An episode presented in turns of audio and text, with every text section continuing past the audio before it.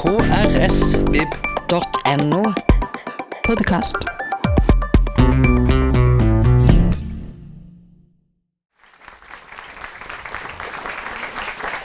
Tusen takk for eh, fin introduksjon og for invitasjonen tilbake til Kristiansand.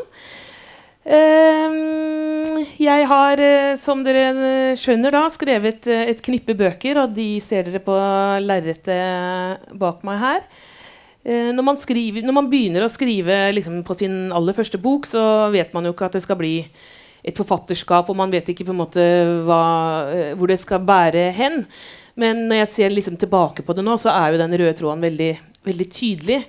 Eh, at det er mye om piker og jenter og damer og kvinner. Det er det jeg er mest interessert i. Eh, det begynte for meg med, som forfatter da, med denne boka her, som heter 'Pike, vin og sang'. 50 år med jenter i norsk pop og rock.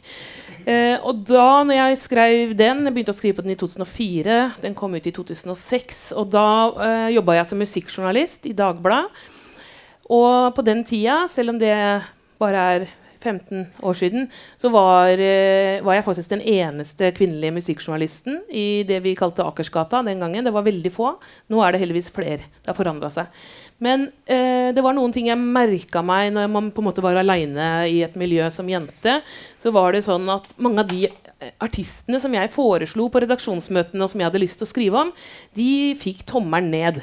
Det var liksom ikke interessant nok med eh, det jentebandet eller med Ane Brun, som de ikke hadde hørt om. Og, så det var én ting. Altså, en annen ting jeg la merke til, var jo det at altså, når du er musikkjournalist, så får du mye respons fra leserne som ikke alltid er positiv. Eh, det er naturlig. ikke sant? Folk blir dritsure hvis du gir terningkast to til eh, favorittbandet deres. Eh, og da får man jo da, nå, da var det ikke sosiale medier, men vi fikk mye mailer og SMS og telefoner og brev og i posten og alt mulig. Eh, men de, den responsen jeg fikk, den var hele veien annerledes enn den mine mannlige kolleger fikk. For de blei kritisert for hva de hadde skrevet. Det gikk på du har, eh, det er en skikkelig elendig anmeldelse, dårlig skrevet, du har ikke peiling på dette bandet, du har misforstått plata. Jeg fikk bare på kjønn. Du, kan, du, du, forstår ikke den plata fordi du er dame. Du kan ikke anmelde dette bandet. Du er dame. Eller hvis de var veldig irritert, da, så går det på kropp. Der du er for stygg, eller du er misunnelig, eller du er feit. og æsj. Så. så det gikk liksom på kjønn og, og kropp og utseende. Det eh, irriterte meg litt, selvfølgelig. Og så begynte jeg å snakke Jeg skulle lage denne boka da, om disse damene gjennom historie, altså helt, eh, de første kvinnelige rockeartistene på 50-60-tallet og, og oppover. Og så forteller jo de meg ganske lignende saker. At når de f.eks. blir intervjua av journalister, enten det var på 60-tallet eller på 2000-tallet, så var det mye mer fokus på det med kropp, kjønn, hvem, privatliv, hvem de er kjæreste med, eh, hvorfor spiller dere på sex, eller hvorfor spiller dere ikke på sex. Altså, må, du, må, du, må, uansett eh, svare på en viss type spørsmål som de mannlige artistene slipper å forholde seg til pressa inn i liksom en sånn litt, no, noe som kanskje føles litt for intimt uh, iblant også. Um, og, og, det kjønnspolitiske. Alltid spørsmål om er du feminist. Eh, og, og du, du, må prate politikk. da.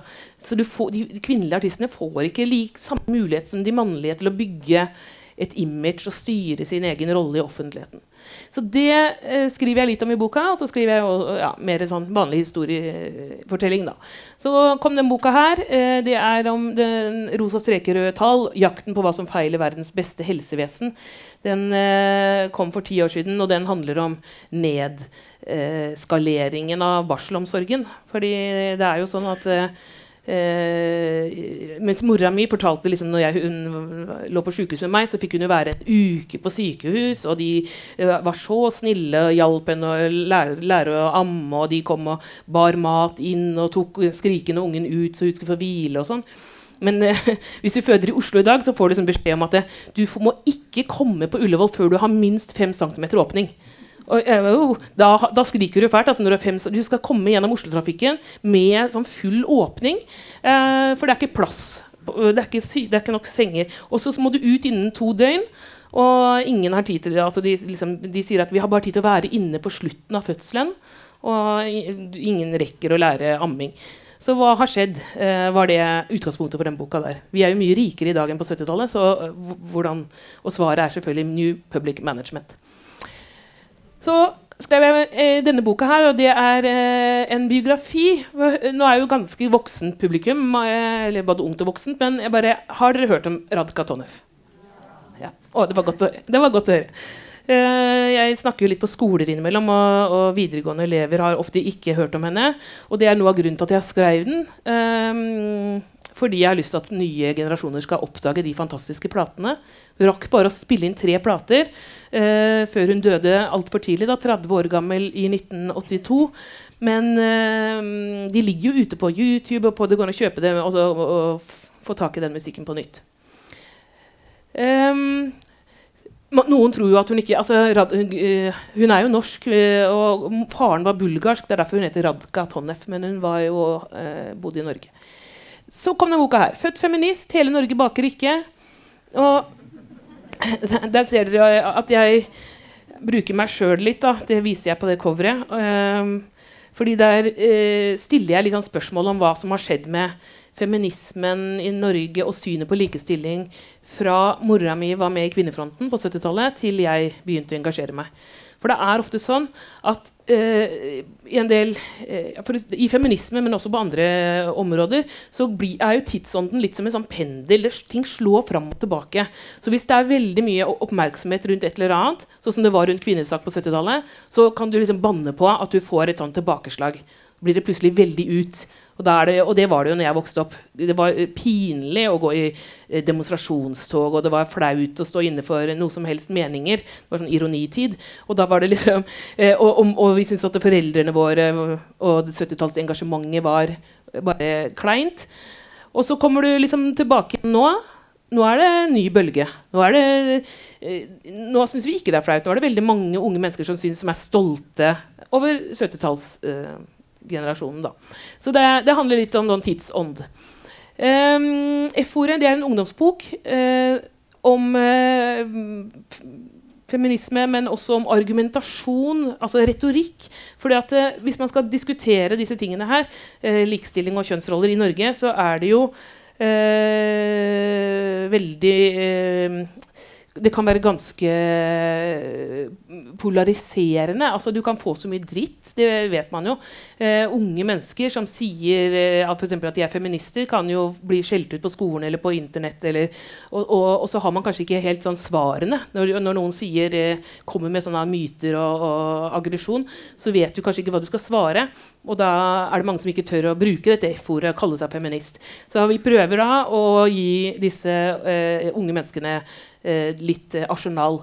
Eh, og her ser dere at jeg har begynt å samarbeide med en eh, tegner som heter Jenny Jordal, som jeg har jobba med i, gjennom eh, noen år nå.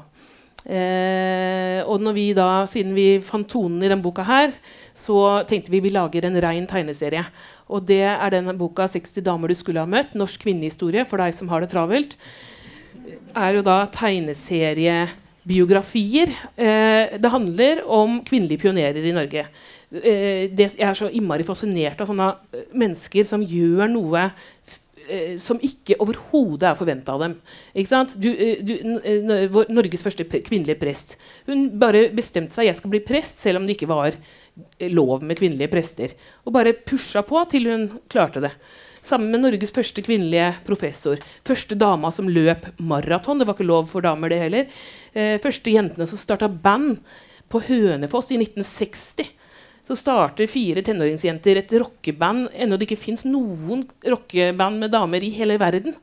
Og det, jeg synes det er så fascinerende når noen bare gjør sånt. Men så er det jo sånn dessverre at mange av de historiene Noen av disse damene er veldig kjente, men mange er ikke det. Eh, fordi eh, de da ikke har, har, kommet med i andre typer historiebøker. Eh, vi vet jo det at skolebøkene og historiebøkene er ekstremt mannsdominerte. Eh, de biografier som kommer ut i dag, fremdeles så handler åtte av ti om menn. Kunne, hvis du går på biblioteket, så virker det som at det, det, damer var noe som ble funnet opp på 1970-tallet. Og at det, eh, samme hvis du går rundt i gatene og ser på skulpturer, på gatenavn, så er det eh, så skeivt at man uh, hvis, du, altså en mann, hvis en mann, fyr, har liksom vært eh, sånn landbruksminister eh, i tre måneder på 1960-tallet, så kan du banne på at det står en sånn mursteinsbiografi oppi hyllene her. Men eh, mens det finnes fremdeles ikke noe ordentlig biografi om Åste Hansten, om Gina Krog, om noen av de aller største forkjemperne for kvinners rettigheter. Så det er eh, grunnen til at vi lagde den. Eh, så lagde vi noen sånne små eh, morsomme, eller ja, forsøksvis morsomme bøker. Denne her er om eh, kroppspress i media. 'Store rumpefeiden'. Så er det en sitatbok med sitater av damer. 'Jeg trodde klitoris var en selskapsdans'. Det er jo sitat da fra Kim Friele, som eh, dere sikkert har hørt om. Hun forteller da om hvordan seksualundervisningen var eh, i riktig gamle dager når hun eh, gikk på skolen. da. Og før hun traff Wenche. Eh, her har vi en quizbok. Hva vet du om damer? Eh, med bare spørsmål om damer. Så kommer det en bok, en, Dette er en liten bok som ble gitt ut på Nasjonalbiblioteket, som heter 'Kvinnekamp', som handler med undertittelen 'Foreningen Skuld Norges første bøllekurs for jenter'. Og det er da historien om de seks eh, jentene Jeg kan si jenter, for de var sånn mellom 17 og 22 som, som ble de første studentene, eh, kvinnelige studentene. Og det, eh, universitetene var jo stengt for uh, jenter. De fikk ikke lov å ta artium heller. Eh, men de bestemte seg da for at de ville studere, så de hyra sin egen eh, lærer og, og, tok artium på privat basis. Og så kom de da etter hvert og blei Det er bl.a. Cecilie Thoresen som ble Norges første kvinnelige student. Og så danna de gruppa Skuld så fint navn på en sånn kvinnesaksgruppe. Den første kvinnesaksforeningen i Norge, Skuld. Og de eh, blei etter hvert til Norsk kvinnesaksforening. Fantastiske eh, damer som heller ikke er blitt skrevet så mye om andre steder. Så er det Kvinner i kamp, som jeg skal nevne hvert øyeblikk, og Muser og menn, som jeg skal snakke mer om. Eh, dere hørte da eh, at denne Kvinner i kamp-boka har hatt eh, internasjonal eh, litt internasjonal suksess. Det er jo eh, morsomt. Her ser vi mange av de omslagene som har kommet ut. Og eh, jeg har jo selvfølgelig lært veldig veldig mye, mye mer enn jeg hadde trodd. Eh, fordi jeg har jo reist og lansert den i masse land og snakka med lokale feminister. Og ser jo hvor enormt eh, store forskjeller det er eh, mellom eh, min virkelighet og mange andres verden. Og så ser vi også at fordi denne boka er ganske optimistisk. på en måte. Den handler liksom om hvordan vi har vunnet fram mange rettigheter. Men så ser vi nå at det, er, det går ikke bare framover, dessverre. Det går bakover i mange land. Uh, her ser vi Polen, uh, uh, Ungarn, Russland I mange av disse landene her Brasil så har eh, patriarkalske ledere tatt over makta, og de truer ytringsfriheten, de truer homofiles rettigheter, de truer kvinners rettigheter, retten til abort. Eh, og dette her er sterke krefter. Orban, Putin, Erdogan, Bolsonaro, Trump, ikke minst. Eh, så det er mange ting som går bakover også. Og da tenker jeg at vi som norske eh, kvinner og menn er, liksom, jeg føler at vi har en plikt til å eh, kjenne vår historie og til å være klar over eh, hva vi har vunnet, og at ikke vi har noe å tape. Så det er på en måte det budskapet jeg prøver å reise litt rundt med. Dere eh, ser det er veldig mye rødt og blått her. Eh, eh, men eh, den russiske, den er rosa. Og det, jo, det forklarte forlaget med at de forbinder de, eh, altså Røde flagg og sånn, det forbinder dem med kommunisme, så de ville heller ha en sånn søt rosa variant. Men de har også kjørt på med 18-årsgrenser nedover hele her. Eh, fordi det, Pga. kapittelet om homofile og lesbiske. Så det, De mener jo at det er å promotere homofili. Og vi dro jo også eh, til Russland, eh, Jenny Jordal og jeg, og snakka om denne boka. Og da var det sånn Vi, snak, det, det ikke så, vi snakker ikke veldig mye om homofili, det er vel litt sånn, litt, så mye i foredraget. Men da var det sånn, sto det i en, en av de avisene som Putin styrer. da. To norske feminister er kommet til Moskva for å promotere homofili. Punktum. Og det var liksom det som sto. Men det er faktisk bare eh, ett land som har eh, sensurert boka. Og det er ikke Egypt og ikke Tyrkia, men USA. Fordi vi har jo da denne fantastiske tegningen her av den seksuelle revolusjonen. som eh, ja, tegner Jenny ser for seg eh, som en sånn Roskilde-festival. ikke sant? Veldig, det ser jo kjempegøy ut. Men eh, når vi da skulle sende til trykk i USA, så måtte den eh, Da måtte den se sånn ut. Så da Det er eh, så, hun, eh, de, eh, eh, så Jenny måtte tegne på disse plaggene, og så tegner hun jo også på disse mennene her. da. Og da fikk vi beskjed tilbake at vi, det trengte vi ikke. Det var bare de kvinnelige brystvortene. Og da sa vi brystvorter er brystvorter. Hvis dere ikke vil ha det, så vil dere ikke ha det. liksom. Så nå ser det ut som en sånn trønderfestival. det.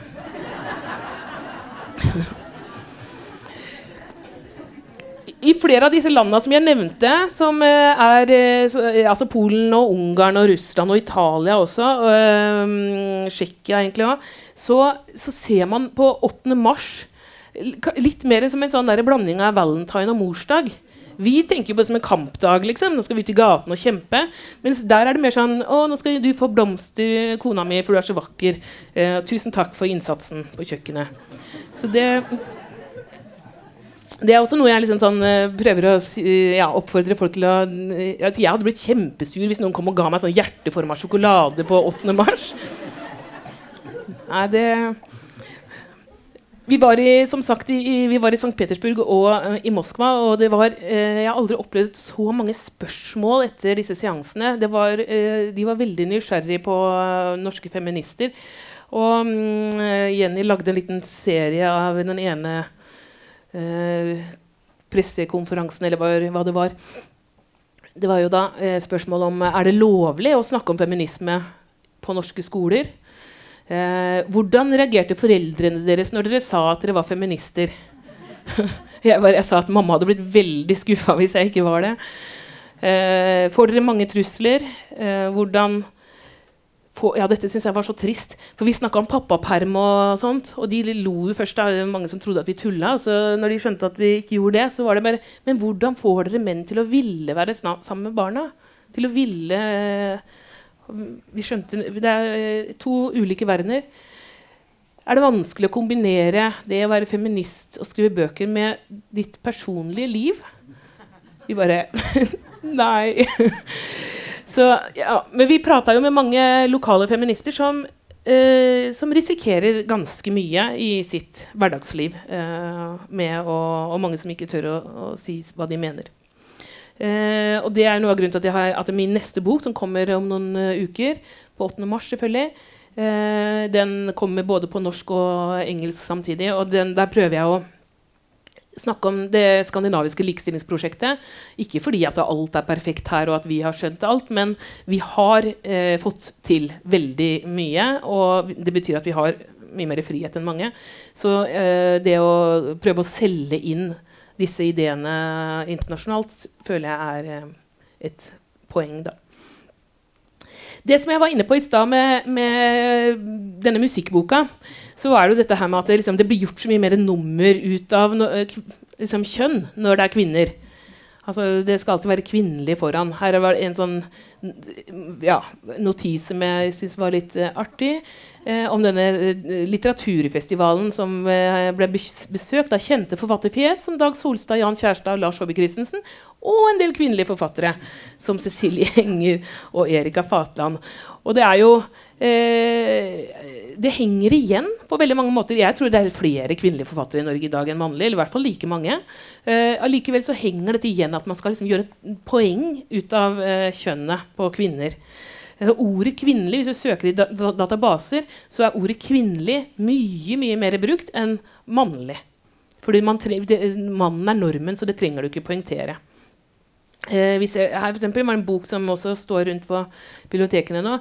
'Tidsvitner' med fortellinger fra Auschwitz. Den kom først. Og så kom 'Kvinnelige tidsvitner'.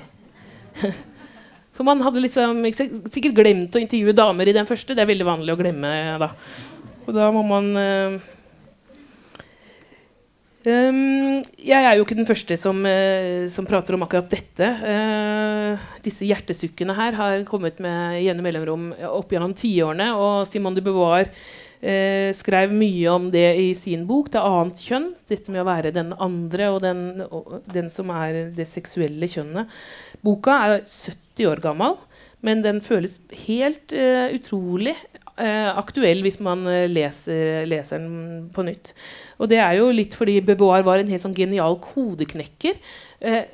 nesten alle disse mekanismene som hun prater om, de sprang ut fra det samme enkle faktum, nemlig at når samfunnets mange institusjoner ble danna, så var menn nærmest aleine på eh, scenen. holdt jeg på å si. Altså, det har ført til at eh, selve systemet er lagt opp etter menns eh, preferanser med mannen som uh, mal, mens uh, uh, vurderinger og perspektiv har fått sette premissene for hele samfunnets syn på hva som er relevant, hva som er kvalitet.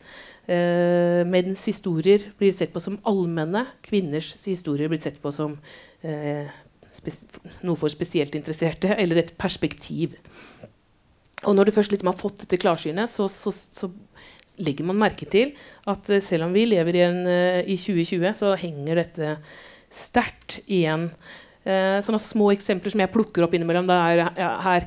Dette, var, dette, er fra en um, anmeldelse av eh, Magnhild Folkvords bok om Betzy eh, Kjelsberg. Eh, og så skriver da Morgenbladets eh, mannlige kritiker eh, følgende Boken handler i all hovedsak om kvinners manglende rettigheter og kampen for deres kår på nær sagt alle livets områder fra 1880-tallet til midten av 1900-tallet. Her er definitivt mye interessant stoff, men det er nok en fare for at boken appellerer mer til kvinner enn menn.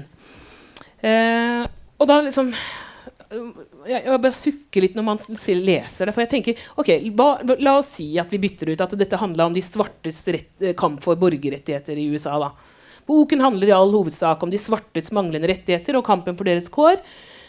Her er definitivt mye interessant stoff, men det er nok en fare for at boken appellerer mer til svarte enn til hvite. Uten på en måte en, no, noe forsøk på å utdype liksom, de, de hvites antatte uinteresse for dette. For det trenger man ikke, og alle vet. Sånn er det bare. Jeg er ikke så interessert i det. Elsebeth Egholm er en dansk uh, krimforfatter som fikk denne anmeldelsen i en uh, norsk avis. Uh, en av Danmarks mest leste krimforfattere. Hun skriver ganske feminint. Ja, hva betyr det? Mm. Jeg vil tippe at hun har flest kvinnelige lesere hjemme i Danmark, men også menn kan så avgjort lese henne. Det var veldig bra at han liksom poengterte det, for ellers så jeg lurer på om det liksom kunne vært motsatt. Altså at uh, også, en mannlig forfatter Ja, også kvinner kan, kan lese ham. Det, eh, min, min bo, egen bok ble anmeldt i Finansavisen av alle steder. Det var en eh, veldig fin og hyggelig anmeldelse, syns jeg. Men da hadde man en sånn liten oppsummering på siden her. Pluss, pluss interessant tema, fengende skrevet. Minus blir nok dessverre puttet i kvinnelitteraturbåsen. Så det blir, liksom, det blir, trukket fram som et minus med en boka som faktisk handler om dette. men, men. Ja. Det er um, veldig mange kvinnelige, ikke bare forfattere, men kunstnere, eh, som har sukket og, og, over dette her og, og uttalt seg om det. Jeg har lest eh, altså Vigdis Hjorth, Siri Hustvedt eh, ja, Virginia Woolf i det hele tatt. altså opp igjennom, veldig mange som har, Herby Wassmo har sagt mye om det. Uh, om det fortvilelsen av når, når, det går opp for deg at du vil, kunsten din vil alltid bli sett gjennom et sånn kjønna perspektiv. Blir aldri sett på som all, noe allment. og dette her er noe som Hanne Ørstavik uttalte seg i, i den anledning. Hun sa Eh, hun ble, ble, spurt hvordan hva ser du på det å på en måte bli putta i kvinnelitteraturbåsen, eller eh, kalt kvinnelig forfatter hele tiden.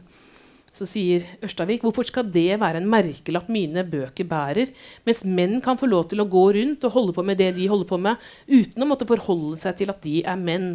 Jeg har også lyst til å holde på med det jeg holder på med, uten at kjønnet skal være inngangen til det jeg gjør. Ja, men faen, jeg har skrevet en eksistensiell roman. Snakk om det. Snakk om forholdet mellom språk og virkelighet. Ikke snakk om det forpurte kjønnet. Jeg er drittlei av det. Amen.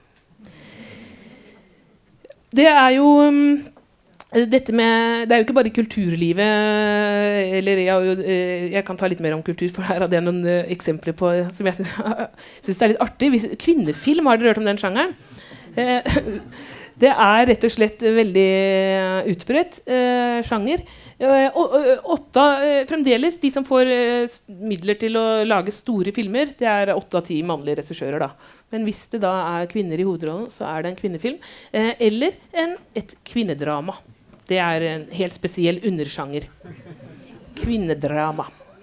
Jeg lurer liksom på om det er vanlig å si sånn Hva slags film skal vi se på i helga? Action eller komedie eller kanskje et kvinnedrama? Hmm. Jeg tenkte Når det fins kvinnedrama, så må det være mannedrama òg, så jeg søkte, men da skjønte ikke Google noen ting. Bare Mente du manorama?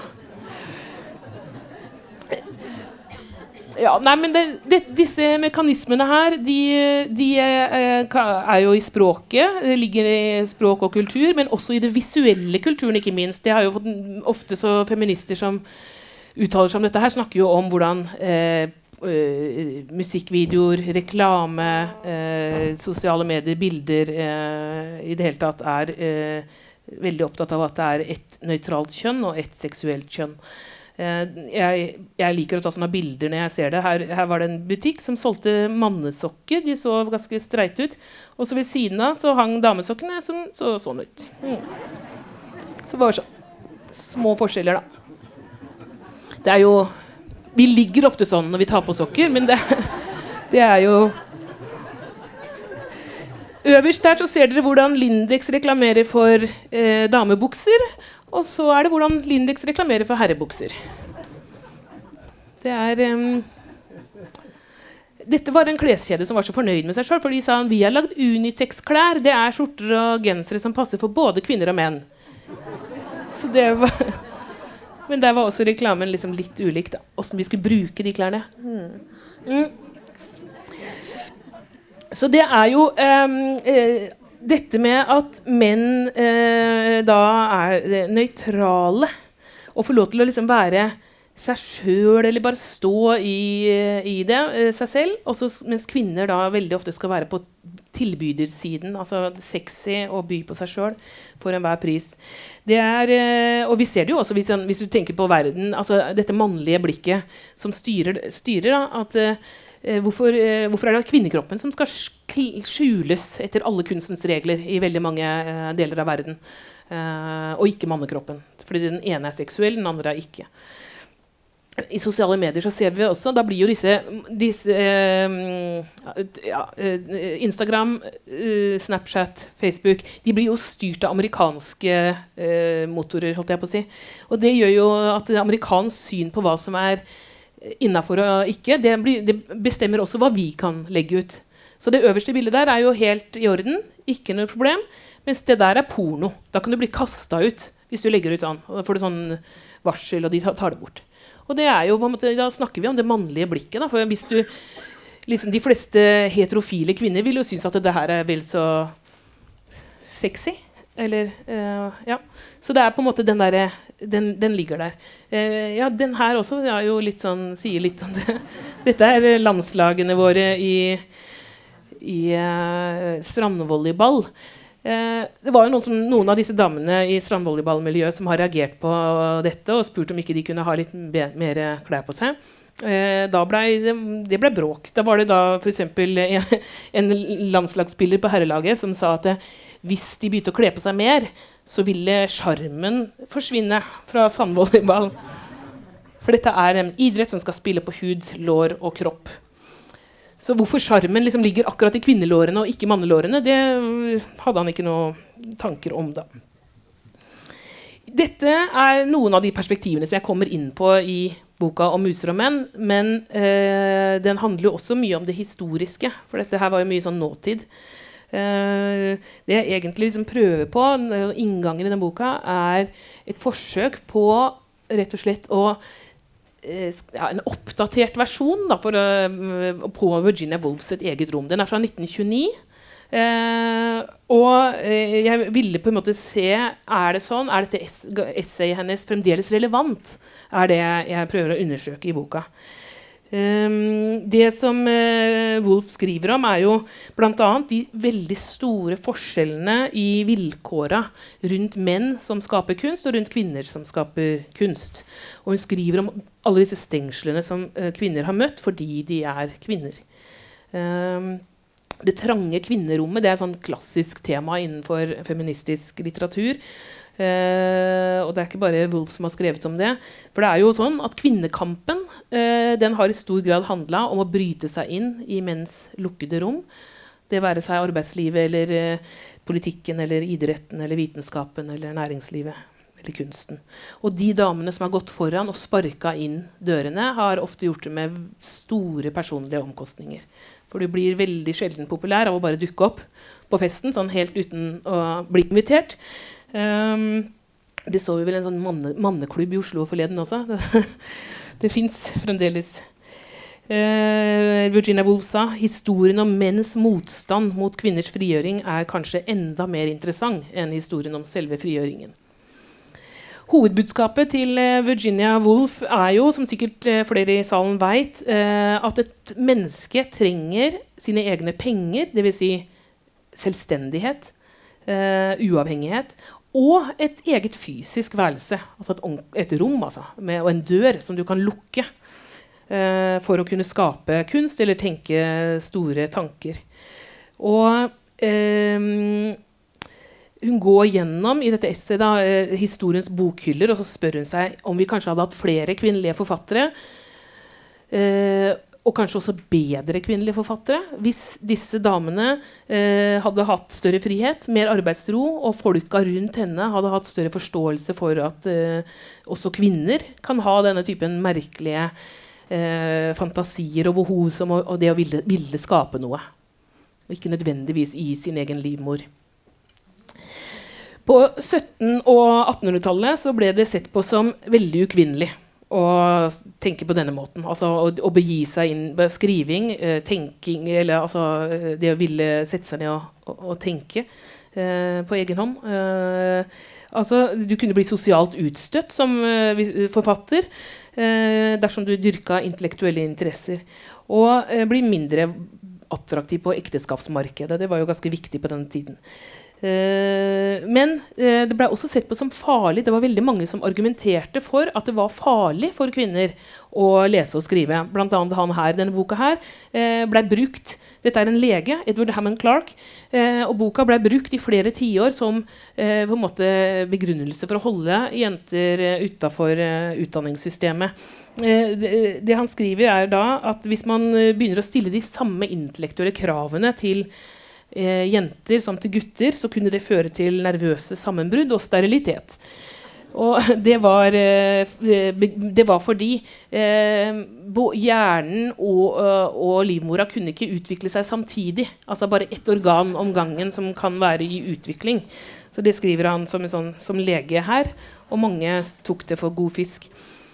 Uh, ja, et århundre tidligere så var det en uh, kjent fransk filosof som uh, mange leste, som het Nicolas Retif de la Breton.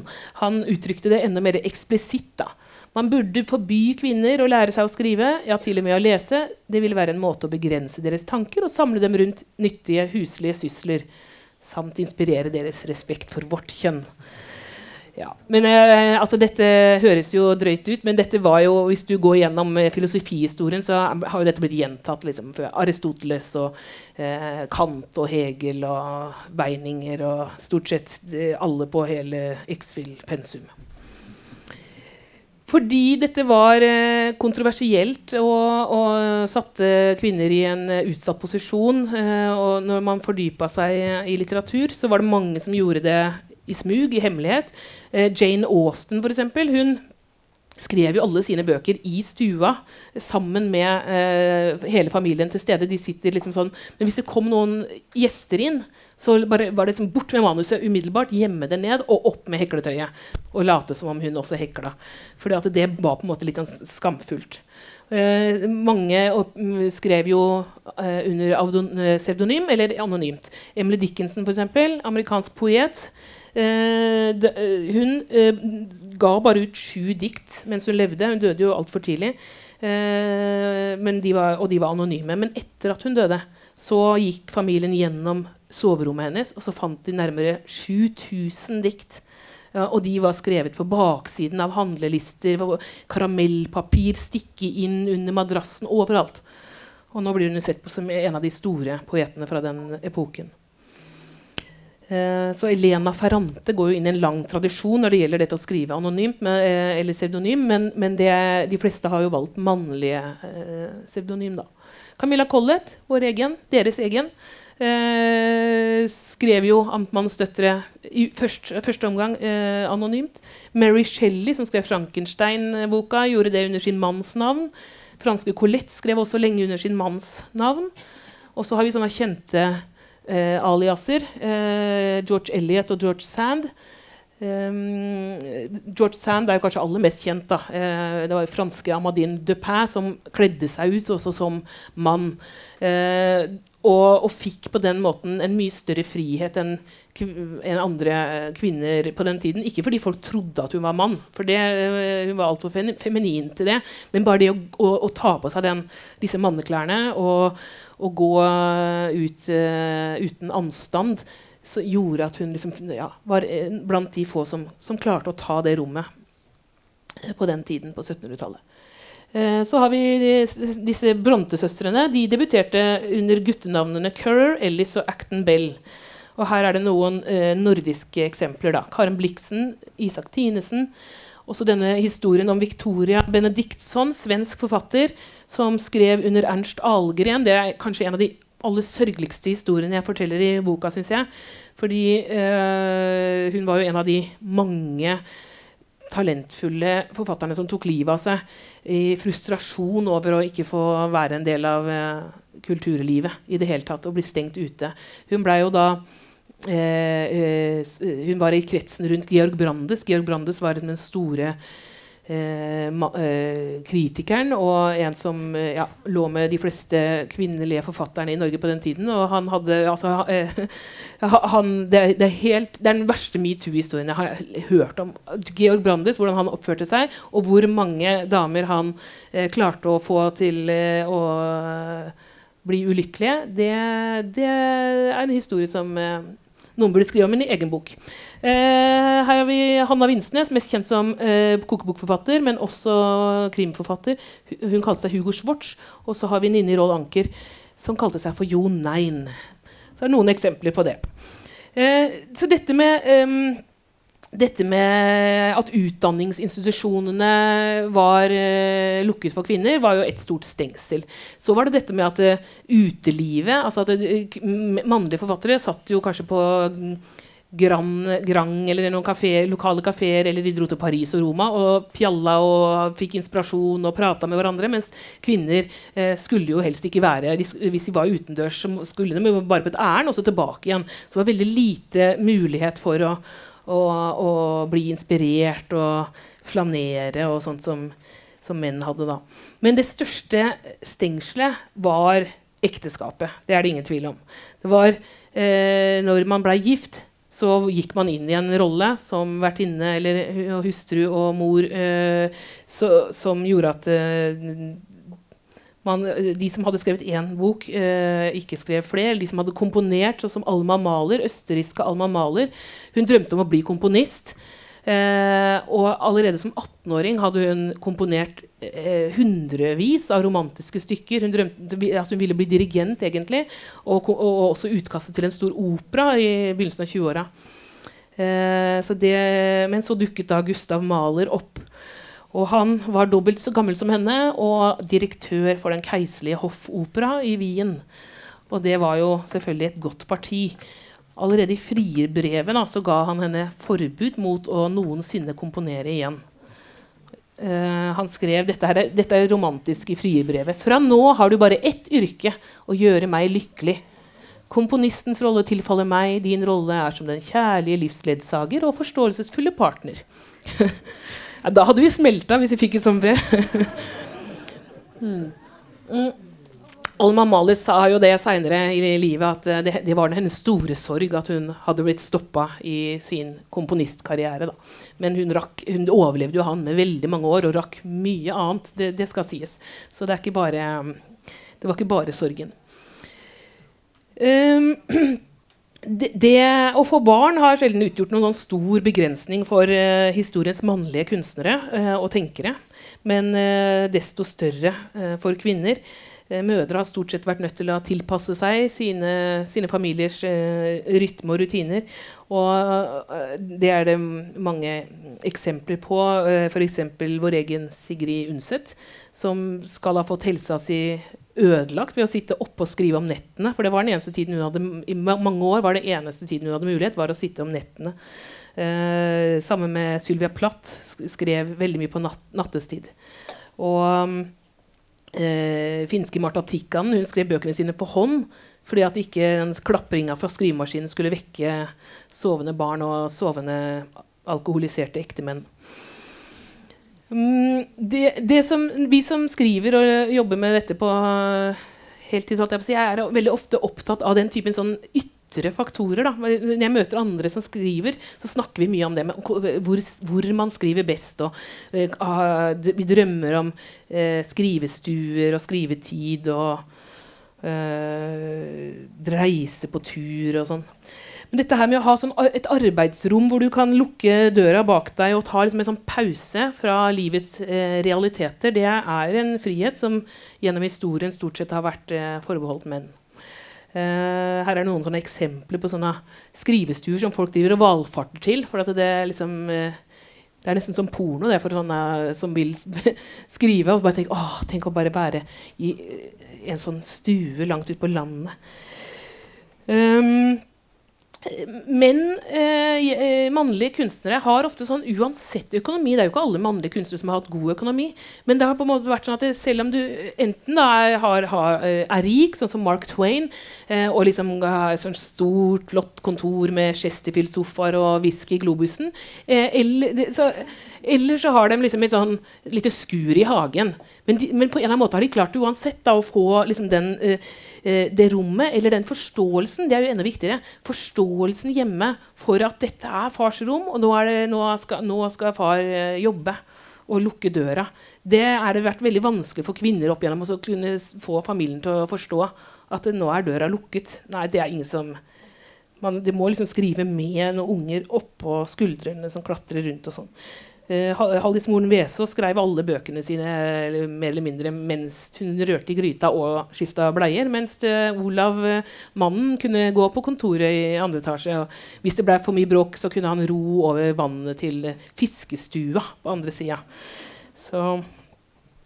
En av de mest kjente skrivestuene sånn, i litteraturhistorien er Dylan Thomas sin stue som ligger på landsbygda i Wales de hadde et hus som ligger like ved, som heter The Boathouse. Og, så er det, og dette, dette, bildet her det er sånn som den ser ut i dag. For de har bare Akkurat som han forlot den. Så den, det er et sånt museum som folk eh, valfarter til. Um, Dylan Thomas blei nesten sånn rockestjerne i, eh, på 40-tallet pga. noen veldig sånn eh, levende eh, opplesninger eh, i, i USA.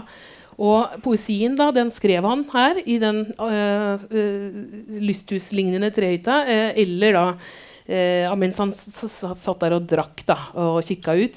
eller så reiste han rundt og drakk og, og skrev. Og lå med masse andre damer enn en kona Katelyn. Og grunnen til at vi kjenner så mye til hans vaner, er jo fordi Katelyn, som han kalte for sin muse, hun, hun skrev eh, flere bøker eh, etter hans død. Eh, hun skriver bl.a. i denne boka her, 'Life with Dylan Thomas' at eh, ektemannen var på pub hver eneste dag gjennom hele ekteskapet. Altså var faktisk hver eneste dag, Også under de tre barnas fødsler. Mm, hun, men hun var glad i å både skrive og drikke for så vidt også selv. Men uh, hun måtte jo da forholde seg til alle disse livets uh, harde realiteter. Så hun fikk ikke skrevet noen bøker før han eh, drakk seg i hjel. Eh, og det, så det er veldig mange kunstnerspirer uh, har forsvunnet i ekteskapet.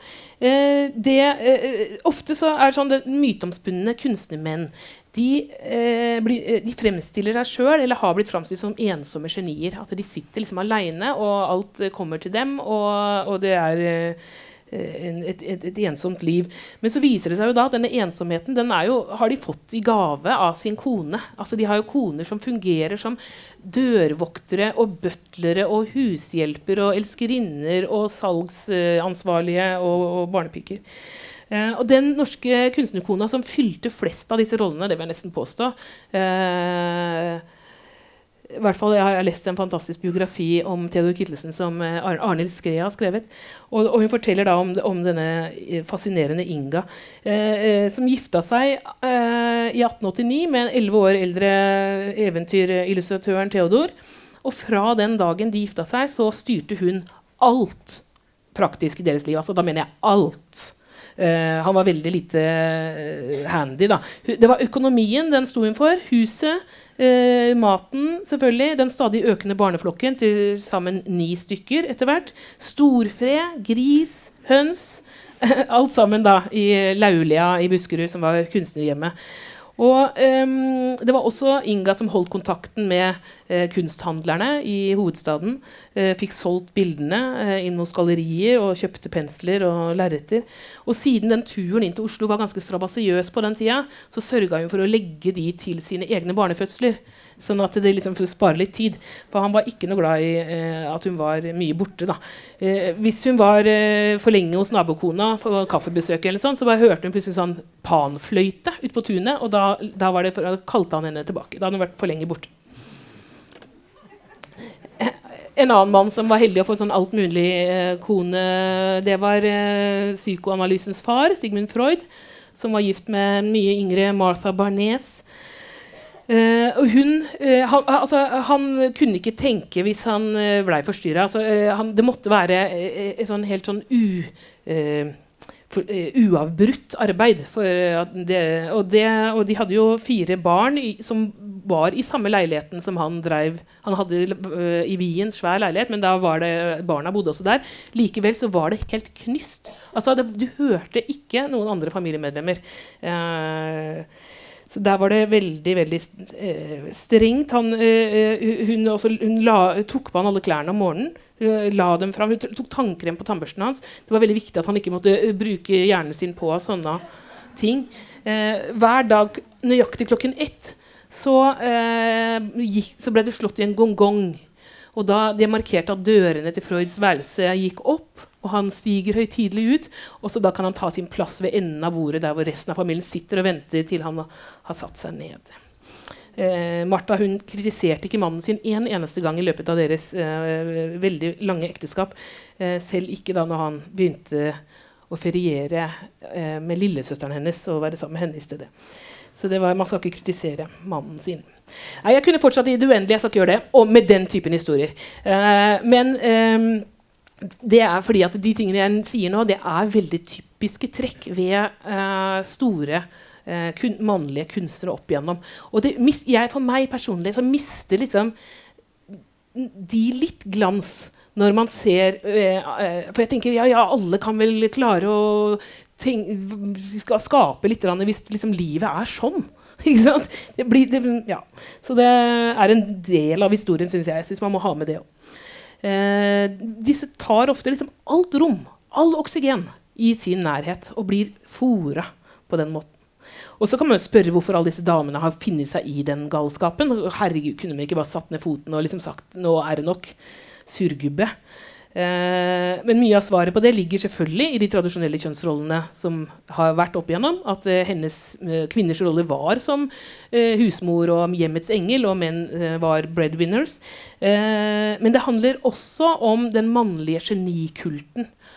Også, og dette eh, kulturmannfenomenet. For det var jo ikke sånn i alle mulige andre hjem. Det, var, det er veldig typisk for eh, de som ser på seg selv som genier, at man da kan behandle eh, andre på den måten. Dette kulturmannbegrepet kom jeg jo en del inn på. Det ble jo selvfølgelig funnet opp i Sverige. Det sier seg selv. Eh, det er jo ikke noe eksakt vitenskap hva en kulturmann er, men det blir ofte brukt da om en mannlig kunstner som er litt eh, narsissistisk. Eh, veldig ofte menn som kun refererer til andre menns verk. Det er veldig vanlig. Eller de siterer gjerne seg sjøl også, men det er liksom på en måte eh, Du vil aldri nesten høre en, en kulturmann som, at, som, løfter fram en kvinnelig kunstner. Det er veldig uvanlig. Eh, det er ikke nødvendigvis en kunstner eller forfatter. Det kan være en redaktør, eller en forlegger, eller en teatersjef, eller regissør, eller kritiker eller musiker. Det er sånne typer i alle miljøer. Og det som, er, som kjennetegner det mest, er det at det, dette er liksom en som sitter med definisjonsmakten, og som sjelden blir avbrutt. Av, altså alle vi andre blir jo avbrutt med, hver gang man er i gang med en eller annen historie rundt lunsjbordet. Så alle bare hopper inn og, og avbryter hverandre. Men det er ingen som avbryter kulturmannen. Altså, liksom, sitter og doserer. Og er, vi kjenner det jo igjen i vårt eget nærmiljø. Noen har på en måte en sånn type Og de merker det ikke selv alltid. De, de, de legger ikke merke til at omgivelsene rundt dem eh, behandler dem på den måten. Fordi eh, de, de, ser sikkert på det som en naturtilstand. Altså det, man kan bli vant til det meste. Eh, en av disse andre sånn, kjennetegnene med historiens kulturmenn da, eh, det er jo dette musefenomenet, som jeg også er eh, innom. Eh, for det blir jo ofte liksom, eh, sett på som en del av mytebyggingen rundt et mannlig geni. Eh, begrepet muser det er henta fra greske mytologien. og Der var musene gudinneskikkelser som skulle inspirere til skapelsen av stor kunst. Eller de skulle inspirere til åndelighet, det er det som oftest går igjen. De skulle åpne på en måte kunstnerens eh, åndelighet. Eh, og, men, men den, den, siden av det, den åndelige inspirasjonen, den har, liksom ikke, den har ikke disse mannlige kunstnerne tatt så på alvor, virker det som. fordi de syns at musingen gjerne kan foregå i senga. Og det er liksom Uh, det eneste som, sånn, som, alltid går igjen, nesten, da, liksom, det er eh, at disse eh, musene skal være unge, vakre kvinner. de kan være kunstnere selv, men de skal helst være unge og vakre. For middelaldrende kvinner de inspirerer av en eller annen grunn ikke så mye. Det fungerer ikke. en av de sånn, kjente så, som, damene som har blitt mye omtalt som muse i Norge, er jo Oda Krog. Som er, var en kjent maler i sin tid. Uh, hun var uh, da visstnok muse overfor både ektemannen uh, Christian Krogh, men også mange andre menn i, i Kristianias bohemmiljø på 1890-tallet. Det som man kan si om den historien, er jo det at altså, jeg tror at noe av grunnen til at, vi, at, at, hun er så kjent fremdeles i dag, er jo denne musestatusen. Det har jo bidratt til å liksom, gjøre hennes navn kjent. Samtidig eh, så kan vi jo også si at hennes egen kunst har havnet veldig i skyggen av eh, For hvis noen sier Oda Krogh, så tenker man på å, at hun var så attraktiv, og all, all, den mannlige fascinasjonen og alle de som likte henne. Det tenker man på lenge før man tenker på det fantastiske bildet som henger på Nasjonalgalleriet, som hun har malt. Eh. Uh, så, det, så, det, er en sånn veldig klassisk ting hvis du er kunstner og også får denne musestatusen. Det gjaldt Dagny Juel også, fra Kongsvinger, som var eh, forfatter eh, og drev med kunst og kultur på mange om områder, og, de, og, debatt. Altså hun Dagny Juel, eh, Noe av det som hun skrev på denne tiden, 1890-tallet, eh, eh, var helt grensesprengende når det gjaldt forholdet mellom kvinner og menn, når det gjaldt kvinnelig seksualitet. Hun skrev om i en periode hvor at, veldig mange mente at kvinner ikke hadde seksualitet. Og hvis du viste litt interesse på tross av at ikke vi hadde seksualitet, så ble du jo stempla som nymfoman. Eller, at det var veldig mye stigma rundt det. Og hun skriver om kvinnelig kåtskap. Det var helt fantastisk. Eh, men eh, blei slutshama så det holdt av både August Rimberg og, og masse andre menn i, i bohemmiljøet. Og det endte jo, eh, som sikkert mange vet, veldig tragisk. Hun blei drept på et hotellrom i Georgia. 34 år gammel og ligger fremdeles da begravd i Tiblisi. men henne fins det biografier om. det anbefaler jeg folk å, å lese kulturmannen over alle kulturmenn. Eh, Ingmar Bergman er jo også interessant i så måte. Eh, han var jo blant de da, som, som, trengte stadig nye unge muser i livet for å holde seg liksom, på sånn topp eh, inspirasjonsmessig. Eh, Liv Ullmann var som kjent en av dem, og han kalte henne da for sin Stradivarius. Altså, hun var da en fiolin som han kunne spille på.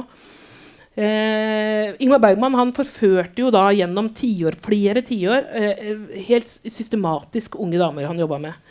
Eh, han skulle ha sagt til sin regissørkollega Thomas Alfredsson eh, at eh, du burde velge en skuespiller som får deg til å rykke i skrittet. Det var på en måte hans eh, castingtips. da. Uh, Ulm, uh, Ullmann ble kjæresten hans sommeren uh, 1965, da hun spilte i en av hans filmer. Og det tok jo ikke lang tid før de flytta sammen på den svenske øya Fårö. Og hun fortalt, har selv fortalt Det er jo ganske interessant, for hun har vært veldig Hun, hun har alltid løfta han alltid vært veldig positiv til, til, Ingmar Bergman. Sier ikke noe negativt om han, men hun forteller jo om denne, veldig ærlig i sine egne bøker om denne tiden og hvor utfordrende det var å leve uh, som muse. han var veldig sjalu og fikk jo ikke, han fikk jo bygd en mur rundt dette huset og ville ikke at hun skulle få besøk hjemmefra. Og jeg tålte ikke å bli motsagt i det hele tatt, verken av familien eller av folk på filmsettet. Så en av de triste historiene hun forteller, er når de skulle da til Roma på denne perioden. her. Hun hadde ikke vært i eh, Italia før og gleda seg veldig. Eh, han var i dårlig humør eh, som vanlig. Ville bare sitte på hotellrommet eh, og, og, og spise på akkurat samme restauranten hver kveld og ingenting annet. Eh, og så, men så kom det plutselig en invitasjon fra selveste Federico Fellini om ikke de ville komme og spise middag hos ham. Eh, og de møtte opp på døra, og Liv gleda seg til dette. Men idet de kom inn, så viser det seg at det var ikke bare dem. Federico Fellini hadde invitert også noen andre mm, personligheter. Og da ble eh, Bergman så eh, snurt at han snudde i døra og gikk. Så trivelig. Eh, denne, det kanskje aller mest kjente sånn musehistorien i Norge er uh, om Marianne Ilen, som dere sikkert uh, alle har hørt om også. Som uh, begynte Dette er jo Aksel Jensen, som hun var gift med, gifta seg med på slutten av 50-tallet. Um, jeg så denne filmen. Er det noen som har sett den filmen som har vært på kino nå? om eh, ja, Den heter 'Marianne og Leonard'. og eh, jeg, var, var, jeg, så den i fjor. Jeg var så heldig. Jeg var på den greske øya Patmos og så den på nattkino utendørs. Det var jo de mest idylliske omgivelser. Og den handler jo om en annen gresk øy, Hydra. Eh, og jeg, var, jeg gleda meg og tenkte at dette blir vakkert og fint. Eh, kjærlighetshistorie. Og så, så, var det jo vakkert og fint på mange måter, for det var liksom om 60-tallet på Hydra. Men det var jo så trist. Det var så trist, fordi det er så mange som tenker at det er romantisk. Men det var jo ikke noe romantisk. Det var jo en eh, dame som eh, kasta bort eh, enormt mange år på noen menn som behandla henne dritt. Og så, men så fikk hun en fin sang, og så skal alle synes det var romantisk. Nei, det var ikke det. Det var sørgelige saker. Um, men um, ja, altså Aksel Jensen og Marianne fikk jo en sønn, og ganske uh, kort tid etter dette så stakk han av med en annen dame. Og hun så ham aldri igjen. Men hun traff en annen fin fyr da, eh, Nedpå øya. Eh, Leonard Cohen. Og det var starten på dette som, eh, som blei denne filmen også etter hvert. Og, og hun blei da muse i dobbel forstand. Eh, jeg husker når hun døde for noen år siden. Da eh, leste jeg litt, jeg hadde lest noen intervjuer med henne. Hun blei jo eh, en godt voksen dame. Hadde jo starta sitt eget liv lenge etter Cohen hadde forsvunnet, så fikk hun, en ny, fikk hun en familie i Norge. Eh, fikk en karriere som materialkunstner. og Eh, levde et eh, Jeg vet ikke, men kanskje et, lang, et, godt liv.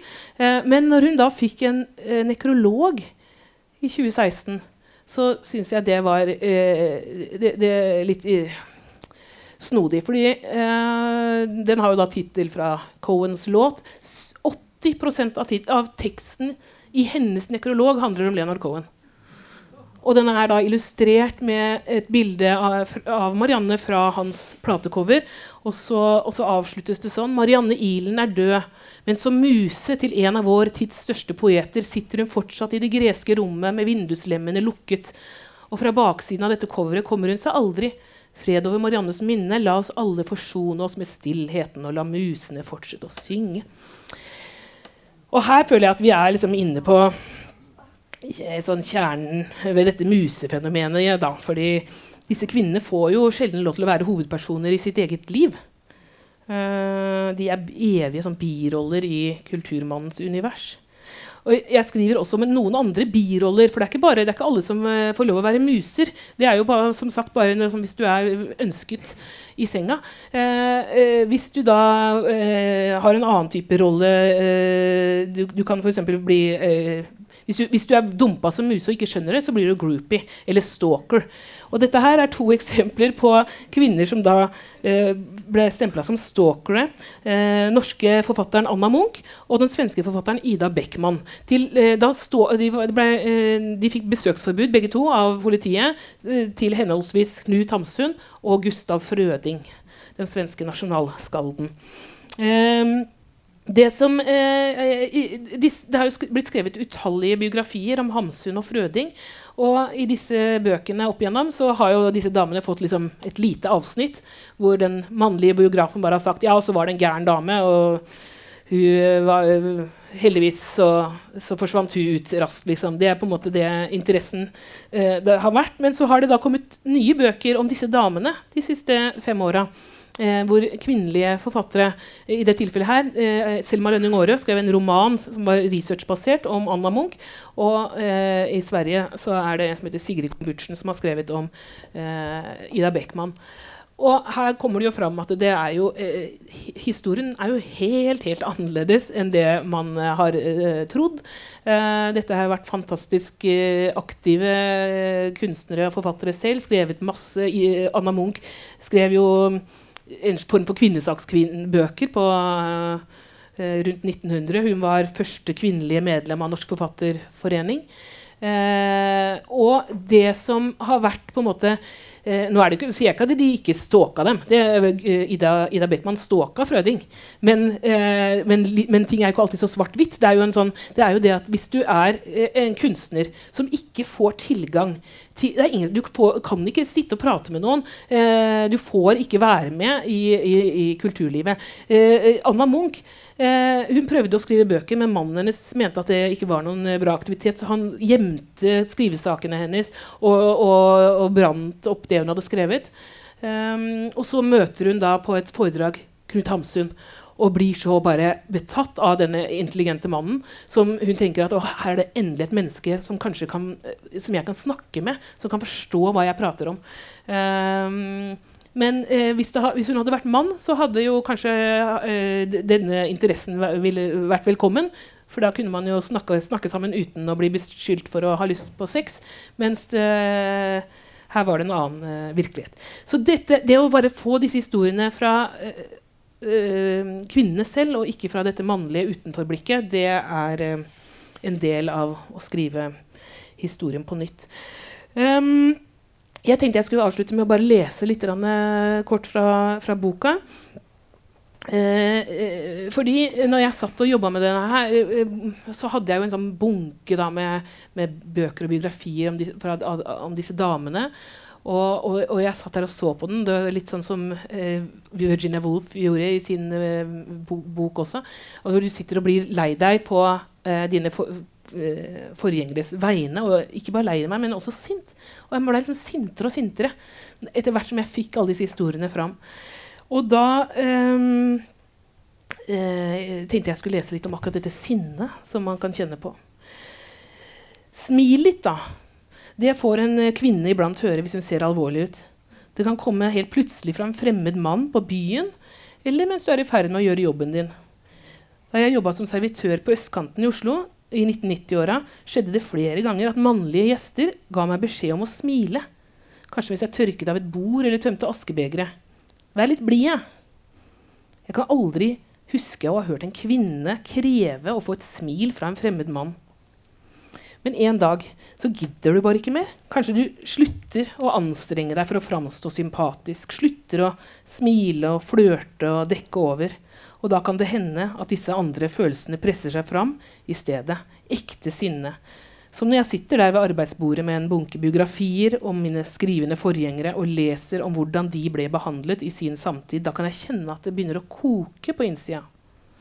Det har slått meg at vi i langt større grad aksepterer at nesten alle andre undertrykte grupper i historien bærer med seg et sinne enn eh, at kvinner eh, gjør det. Det forventes at vi har gjort oss ferdig med det. Det at den litterære kanoen er full av kvinnehat, Det er f.eks. ikke noe vi bør henge oss for mye opp i.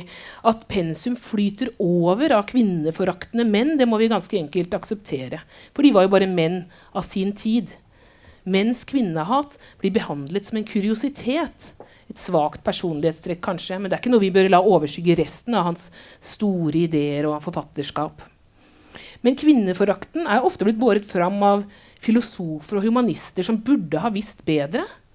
For dette er menn som har vært opptatt av menneskets rett til frihet og rettferdighet, og som har løftet fram demokrati og likeverd, men bare for menn.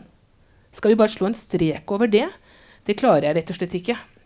I hvert fall ikke når jeg er alene. Jeg klarer ikke å se mellom fingrene på det, vise overbærenhet. Jeg blir forbanna.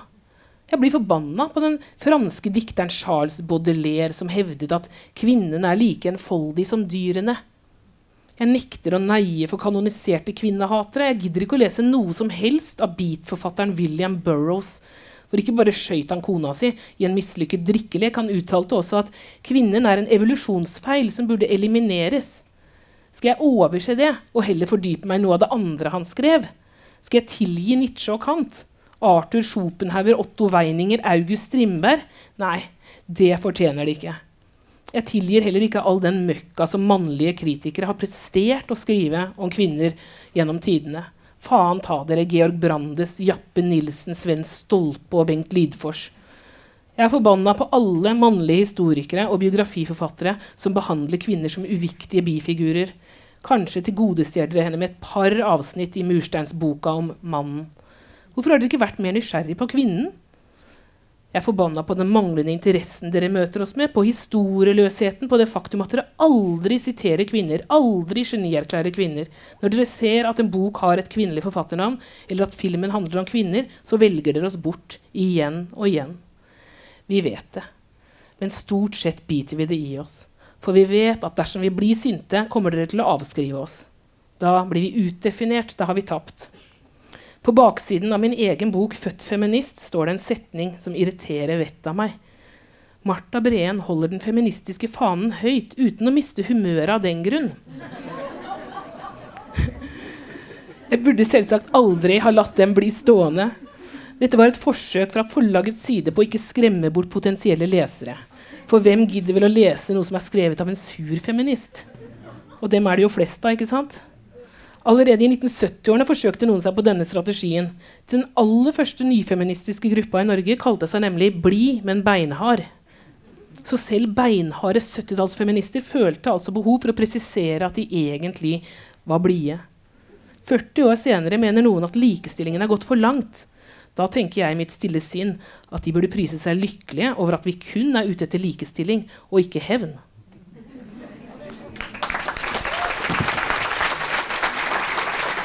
Tusen takk.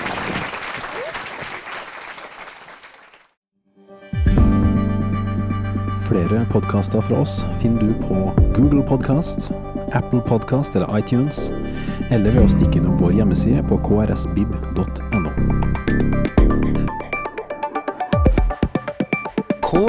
krsbib.no. Podkast.